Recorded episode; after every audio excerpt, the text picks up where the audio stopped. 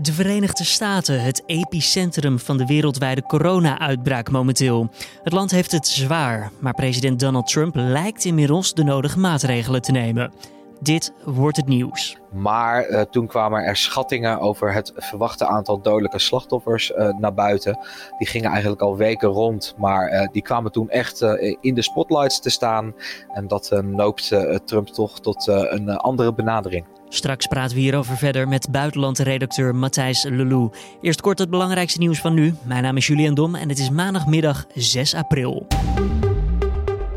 Het aantal nieuwe ziekenhuisopnames van coronapatiënten in Nederland vlakt af. Ook het aantal nieuwe meldingen van overleden coronapatiënten is behoorlijk afgenomen, meldt het RIVM. Er kwamen 101 sterfgevallen bij. Dat zijn er minder dan de 164 die op zaterdag werden gemeld en de 115 van zondag. Qua ziekenhuisopnames ging het om 260 nieuwe gevallen. Dat zijn er iets meer dan op zondag, maar ten opzichte van de dagen daarvoor is er wel sprake van een afvlakking. Deze maandag is officieel de eerste warme dag van 2020. Rond 1 uur vanmiddag werd in de beeld een temperatuur van 20 graden gemeten. En om half drie vanmiddag steeg het kwik naar 21,5 graad. Nog nooit eerder werd er een warmere 6 april gemeten.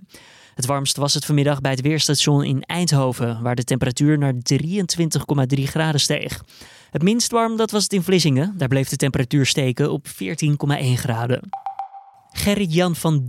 die wordt verdacht van het jarenlang vasthouden van zes van zijn inmiddels volwassen kinderen in hun boerderij in Ruinerwold, weigert mee te werken aan neurologisch onderzoek.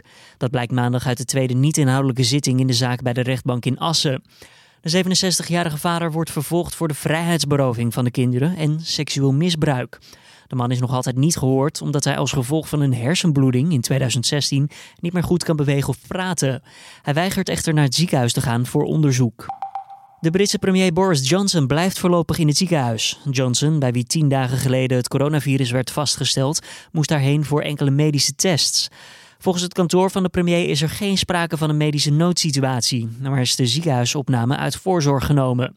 Johnson heeft namelijk na tien dagen nog altijd last van symptomen van COVID-19, de ziekte die wordt veroorzaakt door het coronavirus. Het UWV heeft maandag om half één middags al 18.000 aanvragen ontvangen voor de tijdelijke noodmaatregel overbrugging ten behoeve van behoud van werkgelegenheid, oftewel de NOW. Werkgevers kunnen sinds maandagochtend 9 uur beroep doen op de regeling. Vorige week dinsdag werd bekend wat de definitieve regeling zou inhouden. Het doel van de NOW is om de werkgelegenheid zoveel mogelijk te behouden. De instantie kondigde afgelopen vrijdag al aan dat er tienduizenden aanvragen per dag werden verwacht. Als je nou meer wil weten over deze NOW, vanochtend was het ook het onderwerp in onze Dit wordt het nieuws podcast. Als je die aflevering wilt terugluisteren, kan je hem gewoon eventjes opzoeken in je eigen favoriete podcast app. Dan over naar ons nieuws van deze middag. De Verenigde Staten wordt namelijk hard getroffen door het coronavirus. Hoog tijd voor een update met buitenlandredacteur Matthijs Lelou. Nou, Matthijs, laten we meteen beginnen. Ik zei al eventjes in het begin van deze aflevering het epicentrum van de wereld als het gaat om de coronacrisis. Hoe is de situatie daar?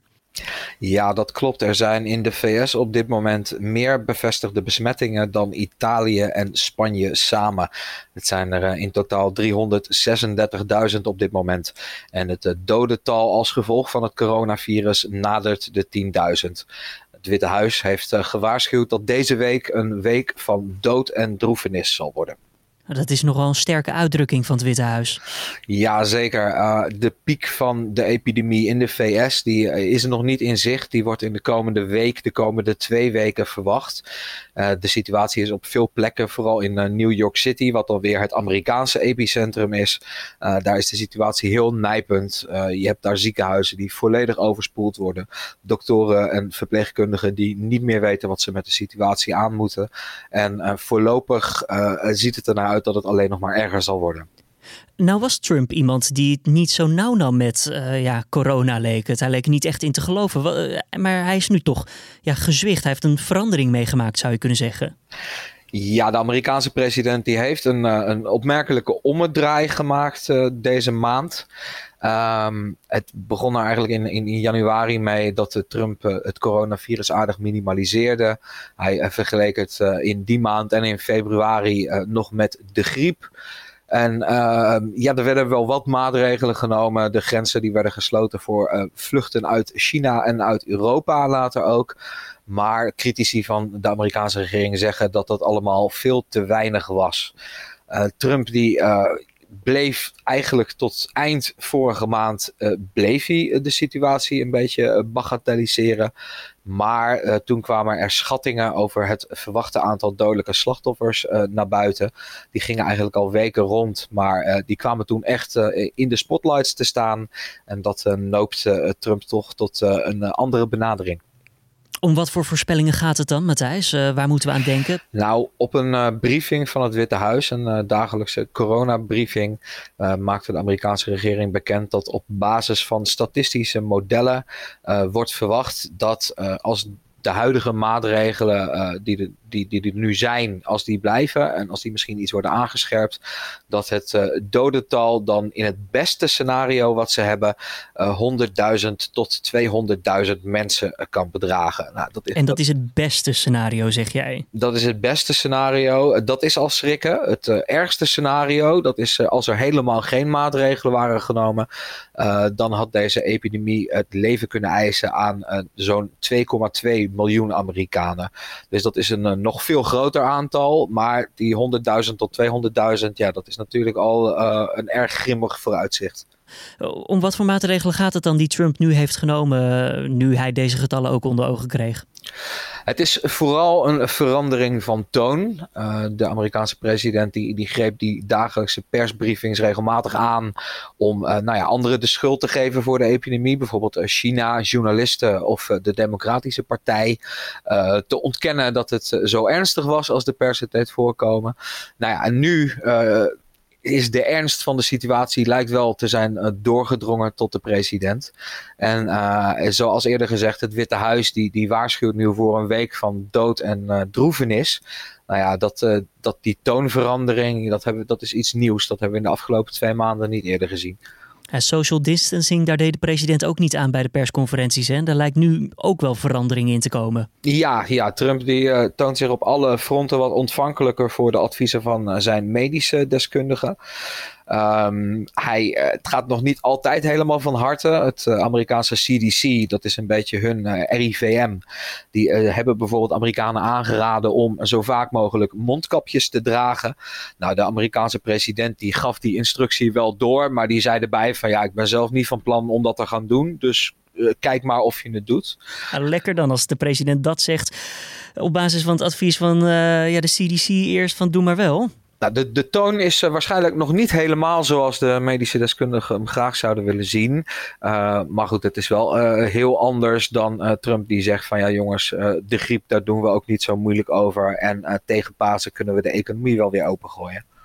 Ja, nou, die, tegen de Pasen, die opmerking, dat was natuurlijk eh, bijzonder dat hij dat al uh, had geroepen. Maar ja, daar lijkt hij dan nu op terug te zijn gekomen. Waar hij niet op terug lijkt te komen, is het middel, en dan moet ik het even goed eh, uitspreken, hydroxychloroquine, Matthijs. hij zegt van, ja, gebruik dat gewoon. Dat is een malaria-medicijn. Um, en er zijn inderdaad wat voorzichtige uh, aanwijzingen uh, dat dat mogelijk zou kunnen helpen om uh, de symptomen van uh, COVID-19 om, om, om die te verzachten.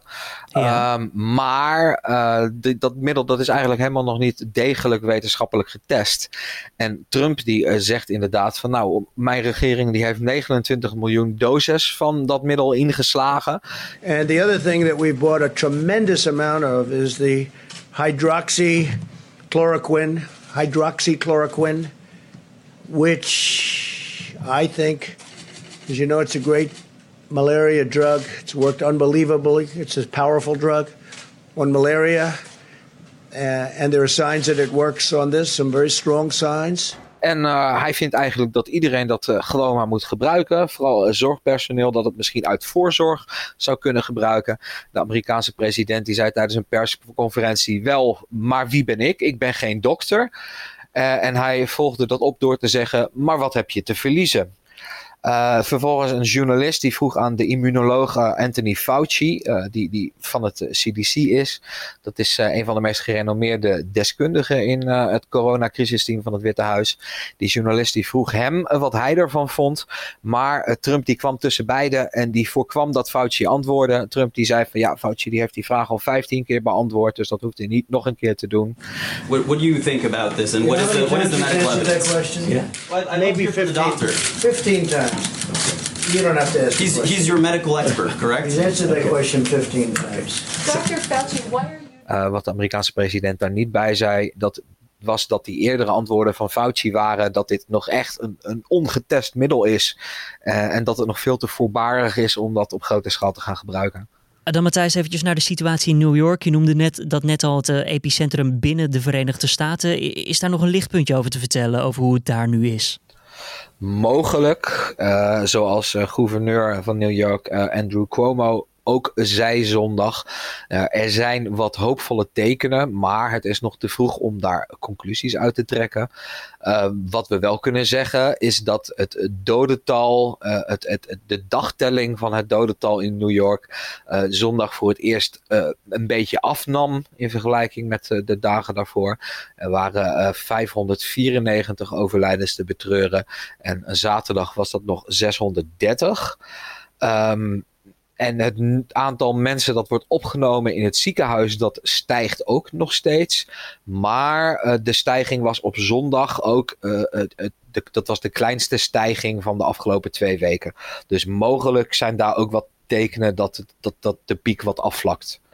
Ondanks alles zou je misschien vergeten dat er ook nog verkiezingen gaande zijn in de Verenigde Staten. En de Amerikanen gaan zowaar morgen ook gewoon naar de stembus toe. Matthijs, uh, waar gaat dit gebeuren? Het is een uh, heel klein deel van de Amerikanen, dat moet er wel bijgezegd worden. Want in veruit de meeste staten zijn de democratische voorverkiezingen die zijn uitgesteld door de coronacrisis. Maar in de staat Wisconsin, daar gaan de mensen inderdaad morgen naar de stembus om te bepalen of uh, Bernie Sanders of Joe Biden het tegen Trump moeten gaan opnemen in november. En zijn er nog maatregelen voorgenomen voor deze bijzondere stemgang dan? Ja, het liep ook allemaal een beetje vreemd. Het is in Wisconsin namelijk zo dat de, gouverneur, dat is een democraat, maar het parlement van de staat is in handen van de republikeinen. Dus die uh, verhoudingen die zijn een beetje stroef, zoals je ook op grond van het landelijk beeld uh, mag verwachten. Uh, en er werd eigenlijk al weken over gesproken om de verkiezingen uit te stellen. de regering van de staat die kon niet genoeg slagkracht bijeen krijgen om dat ook daadwerkelijk te regelen. Uh, een rechter die bepaalde uh, dat de verkiezingen gewoon door moeten gaan. Er worden wel wat uh, maatregelen genomen. Kiezers worden aangemoedigd om waar mogelijk per post te stemmen. er zullen bijvoorbeeld ook bij kiesbureaus boksen aan de weg worden gezet. Waar mensen dan vanuit hun auto hun stembiljet in kunnen laten vallen. maar het wordt mogelijk nog een probleem dat er ook in de stembureaus weinig medewerkers voorhanden zijn. Uh, de gouverneur van de staat heeft al aangekondigd dat hij, als het nodig is, zelfs de National Guard zal inzetten om de kiesbureaus te bemannen. Dankjewel Matthijs, buitenlandredacteur bij nu.nl. Dan het weerbericht. Vanuit het westen neemt de bewolking toe en op steeds meer plaatsen valt af en toe lichte regen. Er staat een matige tot langs de kust vrij krachtige zuidwestenwind. En in de nacht klaart het geleidelijk op en daalt de temperatuur naar 7 tot 11 graden. Lokaal kan wat nevel of mist ontstaan. Morgenmiddag her en der wat stapelwolken en het wordt dan weer lekker warm met zo'n 17 tot 21 graden. Dan sluiten we af met nieuws over de eikenprocessierups. Ze zijn maandagochtend namelijk uit het ei gekropen. Voorzitter Arnold van Vliet van het kenniscentrum Eikenprocessierups heeft de eerste rupsen maandagmorgen zelf waargenomen in Ede. De bioloog had eerder een aantal eipakketjes op de takken van eikenbomen gemarkeerd, zodat hij ze makkelijk kon terugvinden. Volgens hem zullen de eitjes in het hele land op ongeveer hetzelfde moment uitkomen. De pasgeboren rupsen zullen tijdens hun eerste levensdagen wel nog enige tijd zonder eikenbladeren moeten doen, maar ze kunnen lang genoeg zonder voedsel. Ondanks die geboortegolf hoeven mensen zich voorlopig nog geen zorgen te maken over jeuk. Want als de rupsen uit hun eitjes kruipen, hebben ze nog geen brandhaartjes. Die krijgen ze naar verwachting in de tweede helft van mei. Dan beginnen de beestjes ook hun kenmerkende nesten te maken, al dus het kennisplatform. Nu de eindjes zijn uitgekomen, kunnen gemeenten en bedrijven wel meteen beginnen met het bestrijden van de rupsen. En dit was dan de Dit wordt het nieuws middagpodcast van deze maandag 6 april. Tips of feedback zijn altijd bij ons welkom. Stuur dat toe naar ons mailadres podcast@nu.nl en dan gaan we er zo spoedig mogelijk mee aan de slag. Ik wens je voor nu een hele fijne en gezonde maandag. Mijn naam is Julian Dom en tot morgenochtend.